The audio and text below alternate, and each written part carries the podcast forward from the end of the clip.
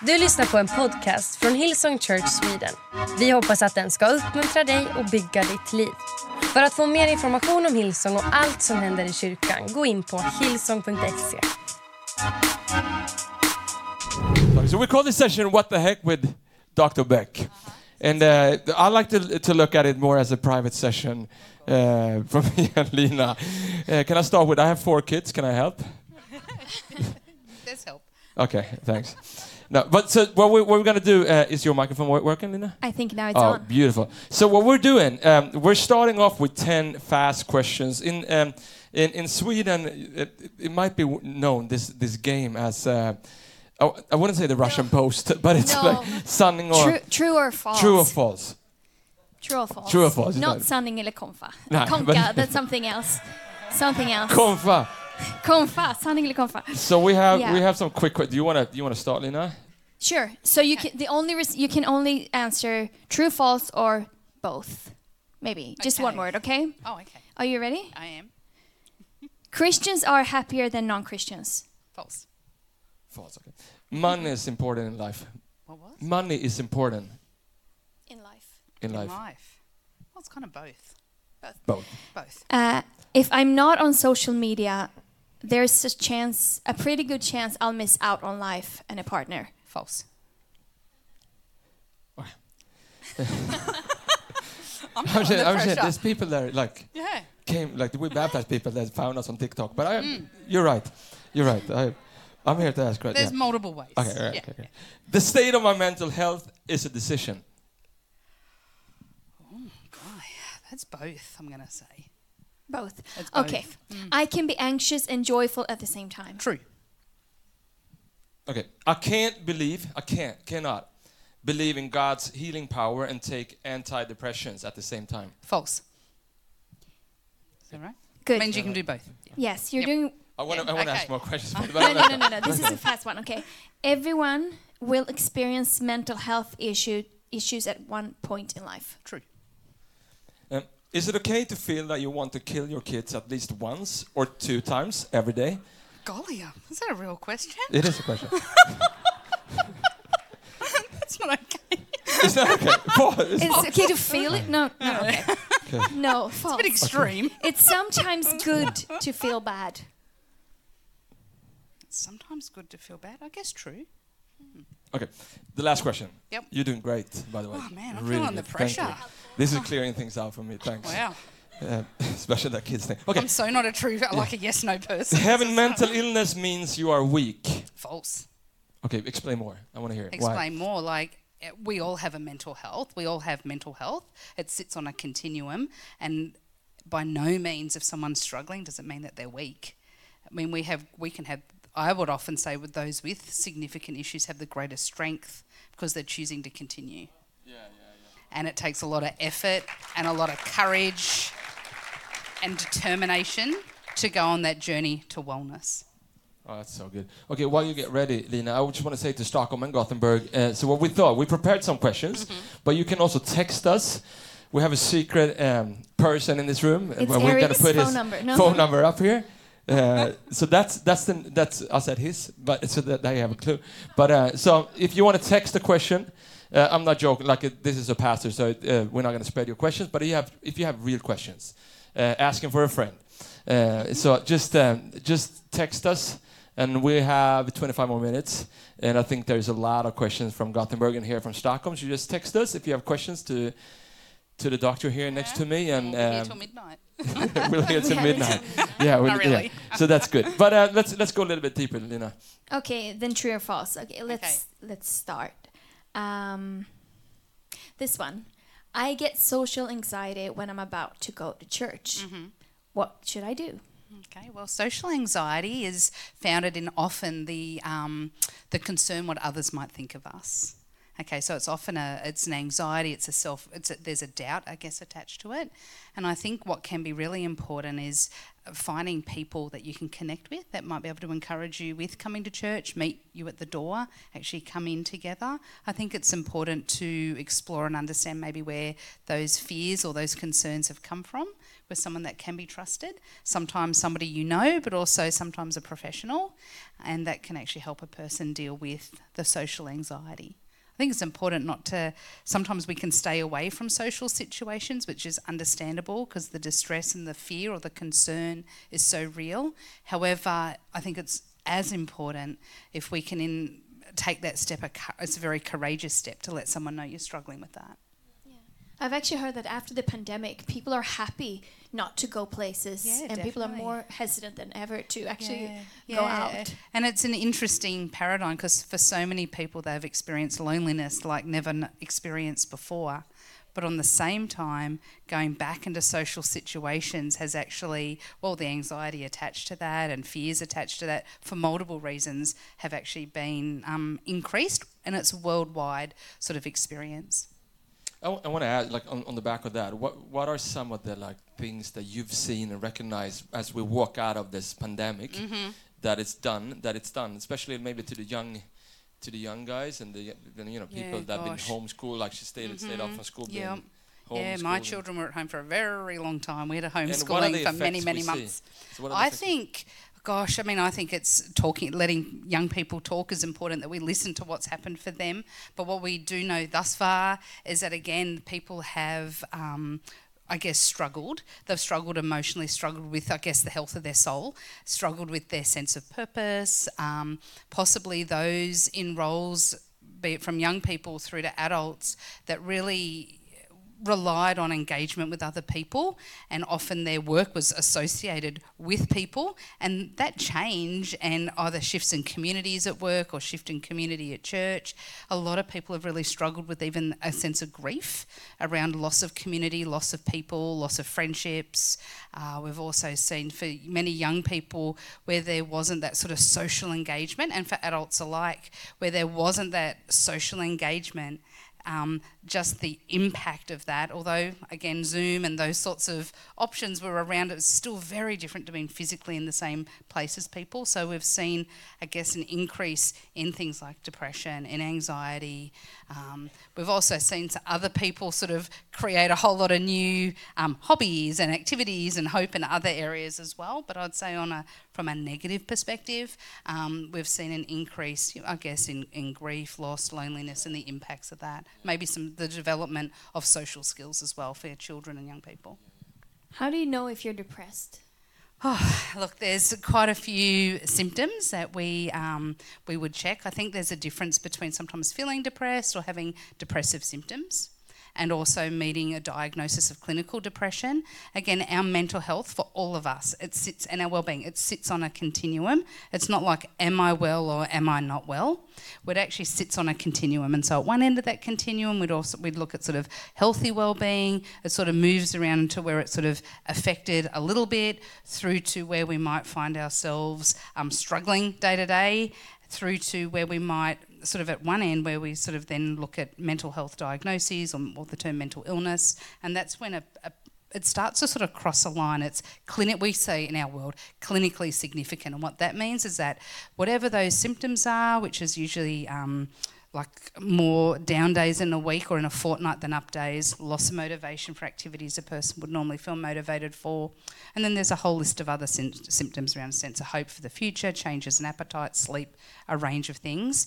But on that continuum, once it starts to impact a person's day to day functioning, so the things that they would usually do, be it school, work, family life, um, a range of even social activities, when the, it's clinically significant that it's impacting that, that's often a chance where we know things have sort of got a little bit more serious. And the reason why we consider things like symptoms is because from that when that when we can identify that we can identify the best possible support but i'd say for anybody if you're noticing yourself maybe feeling a little bit more down than usual um, and it's or it's becoming a little persistent. Sense of motivation is changing significantly. It's actually the earlier you can reach out for support, and the earlier a person can reach out.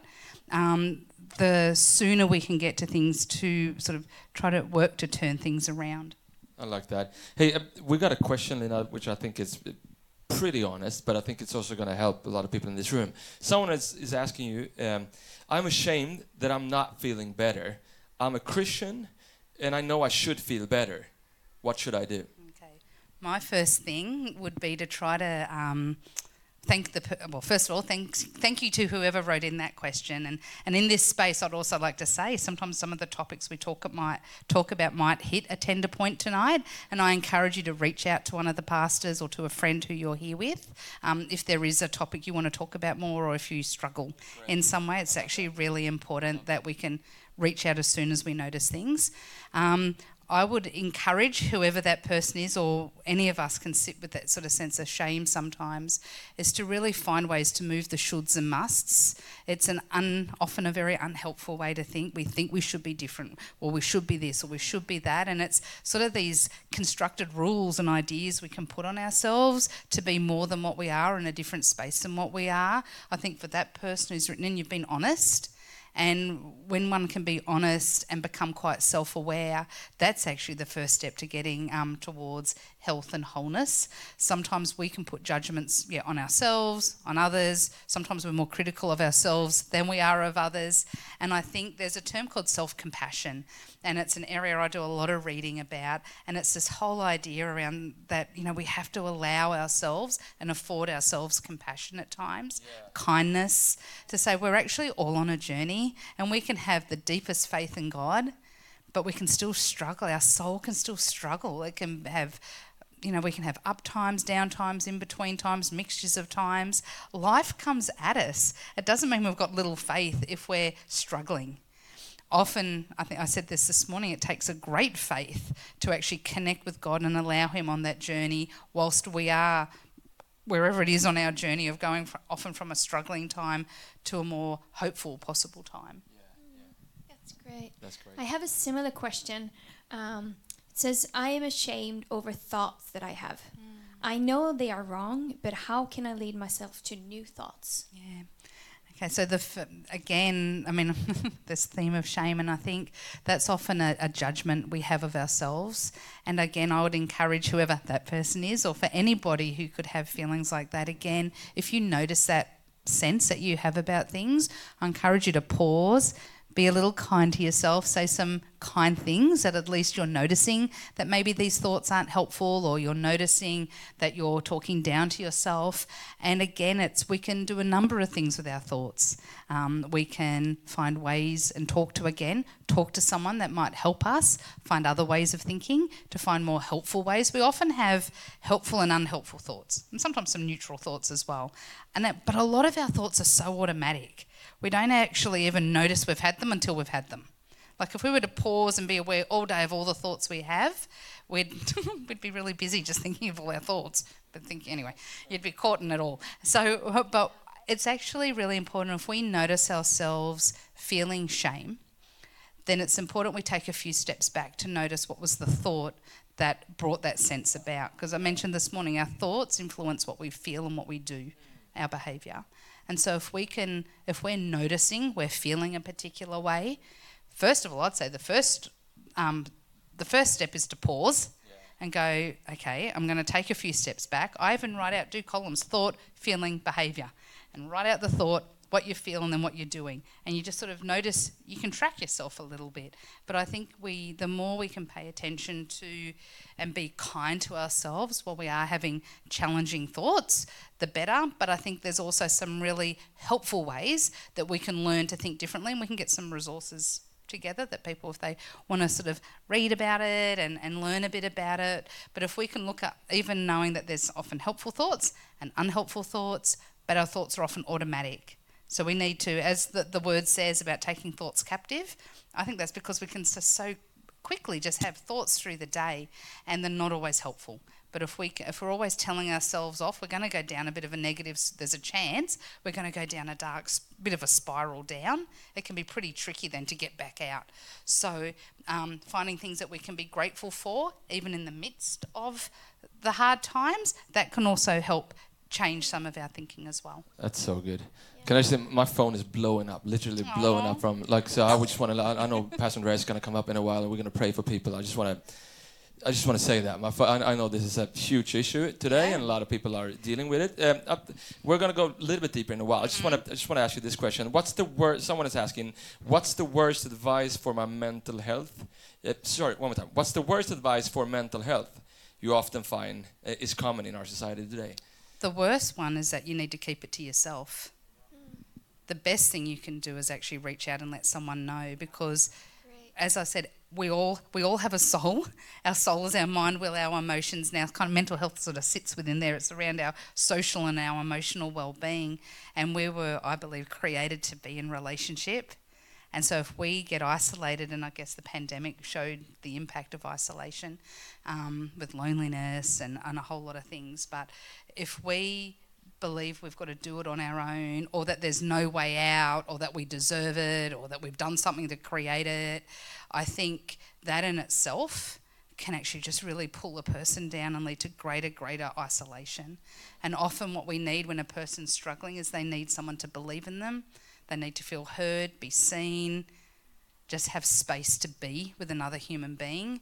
And I think that's when we can start to really see some shifts and changes. So at the back of that, because a lot of people are asking, yep. I have a friend or I have a partner yep. that have mental issues, mm-hmm. uh, mental health issues. Yep. How can I, like, in the best way, help? Yeah, look, there's multiple, no, there's so many ways. I guess number one, the first is being present with the other person, allowing space, allowing space for that person to be, but at the same time finding effective solutions or effective steps forward so the person doesn't stay stuck possibly or going down um, but if you say to someone hey i want to i'm here for you you need to maybe put boundaries around what that means, but you need to determine together what being there for somebody actually means.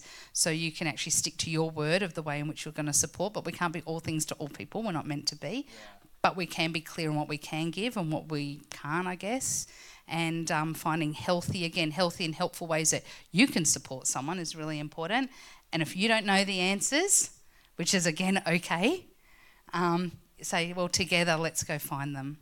I also think it's important we ask the person who's struggling what they need in that moment.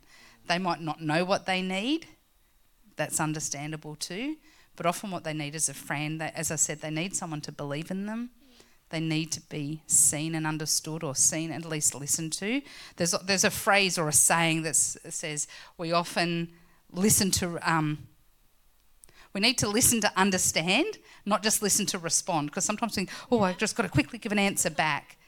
But most people, I know if I'm talking to someone or confiding in someone, I want them to actually listen and understand what's happening for me. I don't just want a quick response back but often we do it because we don't want to get it wrong as well. So it's not most people's intentions aren't bad, but it's about how do we sit and actually listen and understand each other and take time to really. I always say with communication, it's really important that we connect first, as humans, as people, before we try to communicate. Because when we can connect person to person, nearly even heart to heart, then often we can understand a whole lot more versus often otherwise we can get a bit more no, it's not always as pleasant. yeah, that's amazing. I have a question about uh, life balance rhythm. Uh, it says, I feel like my life is like a train that never stops. It all goes so fast and I can never keep up. How do I change that? Mm-hmm. Ooh, that's a big one, hey. Who here has ever felt that one? It's like, ah, no, I feel like I'm none, either sometimes no. chasing the train or I'm on the train. Who knows where I'm up to on that train? I've but seen it, all those movies. You just yes. quit your job, you move somewhere else, mm-hmm. you meet someone new. Yep. That's the solution, right? Easy. now, what I, I would actually encourage people often, we can engage in our external world when we haven't experienced a stillness in our internal world. Okay, what I mean by that is our soul can sometimes be looking for or get caught up in a whole range of things, again, often with great intention. but we can get caught in the busyness of life. And I sometimes say, "Oh, I lead a full life." Well, it's probably just busy, but it's you know, eh, it's about the how is it that we can find space to even pause our internal world. So, like, even when we're doing whatever we do in a day, that we can nearly feel a sense of even rest or stillness in our heart. And I guess that can be a bit tricky sometimes, but it's about how do we um, align, be present. I talk often about being present and being intentional, and it's about how do we actually pause at different points in our day to even think, where am I? Who's ever sort of driven in the driven? And not on one of these self-driving cars. I'm learning all about those while I'm here. But who's ever driven and you've started here and you've got home, you're like, did I run a red light? Did I pay attention? Did, has anyone ever Every had Sunday that? night. Every Sunday night. and every Monday morning. and every Monday morning, there we go. But often what can happen is we're not present in our moments. We're just caught up in the rush of life or the day to day ness of day to day. And so when we can actually pause and meaningfully engage in different aspects of our day, maybe even plan our day a little, that actually is, allows us to have a bit more stillness and maybe a bit more control over our time and our days. But again, noticing what the train means for us, I guess, and, and how to actually slow it down. But choosing, even when we wake in the morning, who here wakes in the morning and looks straight at their phone? And you can be honest. Who looks first, like even at social media or messages, to see if anyone's messaged? Who nearly does it so? Aut- who automatically, even through the day? Now, there's nothing. I'm not having a go at anyone. just be honest. Um, who can even find themselves flicking on their phone, like checking? You're on Instagram, scrolling something, and you're like, "What am I even doing?" Has anyone ever done that? Yes, yes. Sometimes. Let's be Sometimes you wanted the one on one. So, and what can happen in those moments is that before we've even started our day, we've given our attention over to something else. Because as soon as we get on to social media, as soon as we look at texting, we're actually looking at the judgment of others, possibly. We're engaging with an external world before we've even engaged with our internal world. How many people wake up and pray straight away and say, Thank you, God, for a new day? Doesn't always happen. Um, or even when you wake up, even looking around the room, looking out your window, um, just sort of even engaging a little bit with yourself. It's like, oh, it's morning. or when you have a shower, if you have a shower in the morning, letting as you, as that water falls on you, nearly even noticing what that feels like. And I know it might sound a bit odd. Even when you eat, noticing what you're eating. I actually did have Swedish meatballs for breakfast this morning. I had three at the hotel. And I sent the photo to my kids because that's all they wanted to see. Have I gone to IKEA? and have I had meatballs? That's all they want to know. Anyway, um, you can see what, anyway, Australians, that's what we understand of Sweden, maybe. Anyway, but when you wake up, I encourage you just to even pause for a few minutes to engage with your day. Notice that it's light. We often say, we often talk about doing some grounding exercises, which is a way to engage in your presentness, which means three things you can see, three things you can hear, three things you can sort of like touch. And if you even woke up in the morning and spent even a minute, half a minute, noticing your surroundings, where you are, that it's a new day, even what day is it, without possibly checking your phone, what day it is. Um, noticing what day it is. If you do live in an environment with other people in a home or you're around other people, are you talking to them already? But just engaging in your day. That in itself can actually set you up to not get caught in the busyness. Because if the first thing we're doing is letting someone else input into us, be it social media, the news, emails, text messages. Who's ever checked their work emails in bed on their phone? Okay, and it's common. Okay, it's really common, but that that's actually the pace of the world trying to control us rather than us controlling how we're going to have our day. And we can find ourselves and bring a stillness to ourselves as we wake in the morning that can actually set us up really well for the day. This is. Uh, we want to give you some time at the end to, you know, do a couple of more things. But uh, this is a pretty heavy one. But I, I have a lot of questions from people that have a hard time to look at themselves and like what they see. Mm-hmm. So someone is asking, like, I know um, God says I'm beautiful, but my thoughts are not telling me that. Yeah. What can you say to, to those people? Oh, look, it's, it's a significant one, and for anybody where that's a struggle, self-image, ideas of our appearance. Again, we sit we sit in a world, isn't it interesting? We're all made so uniquely, and we're told that, and we can sometimes celebrate that. Yet at the same time, we can be so critical of what we see, and it's actually a really it's a it's a real experience and a deep experience for many people. And I think it's really important when people are experiencing their days like that, that again, it's um, where you can to reach out and talk to someone, let somebody help you, and maybe, you know, we, we can learn maybe a, a different way that our we can manage our thoughts a little differently around that. But it's also really important we find ways to understand our values and our deeper values, not just about ourselves, but about life and things around us. And we can possibly, you know, like in time learn to value ourselves a little more. But I think self criticism can actually, um, I guess one of the the opposites to it is to try the self compassion that I talked about before, um, and we can actually, it's actually allowing ourselves to know that that nobody is perfect. We can have some kindness. We can understand, you know, that humanity itself has struggles. And um, but it allows us to possibly say a few kind words to ourselves as well, and and possibly when you find yourself maybe making a judging or having a judging thought of yourself, I encourage you to try to find a kind thought as well. Possibly a kind word to give yourself, even like I'm a good friend. I'm kind to other people. I love my dog. um, I pat my dog. I take my dog for a walk. I've got two dogs I love. Um, it's Eric different. loves dogs. I have no dogs. You know, you're not keen on dogs. No. Not But anyway, keen, no. yeah. But yeah, just finding ways to, I guess, notice other things about yourself can be one way. But I'd still encourage anybody where that's an experience. It's actually really important to. Um, talk to somebody about it. I think the more, before we heard um, when Andreas was talking about, do you know I mean, as adults, we need to create facilities for our young people and create spaces. I think, as well as adults and as possibly leaders as well, it's really important that we find spaces to allow young people to have real conversations with us. And for young people, you guys are amazing.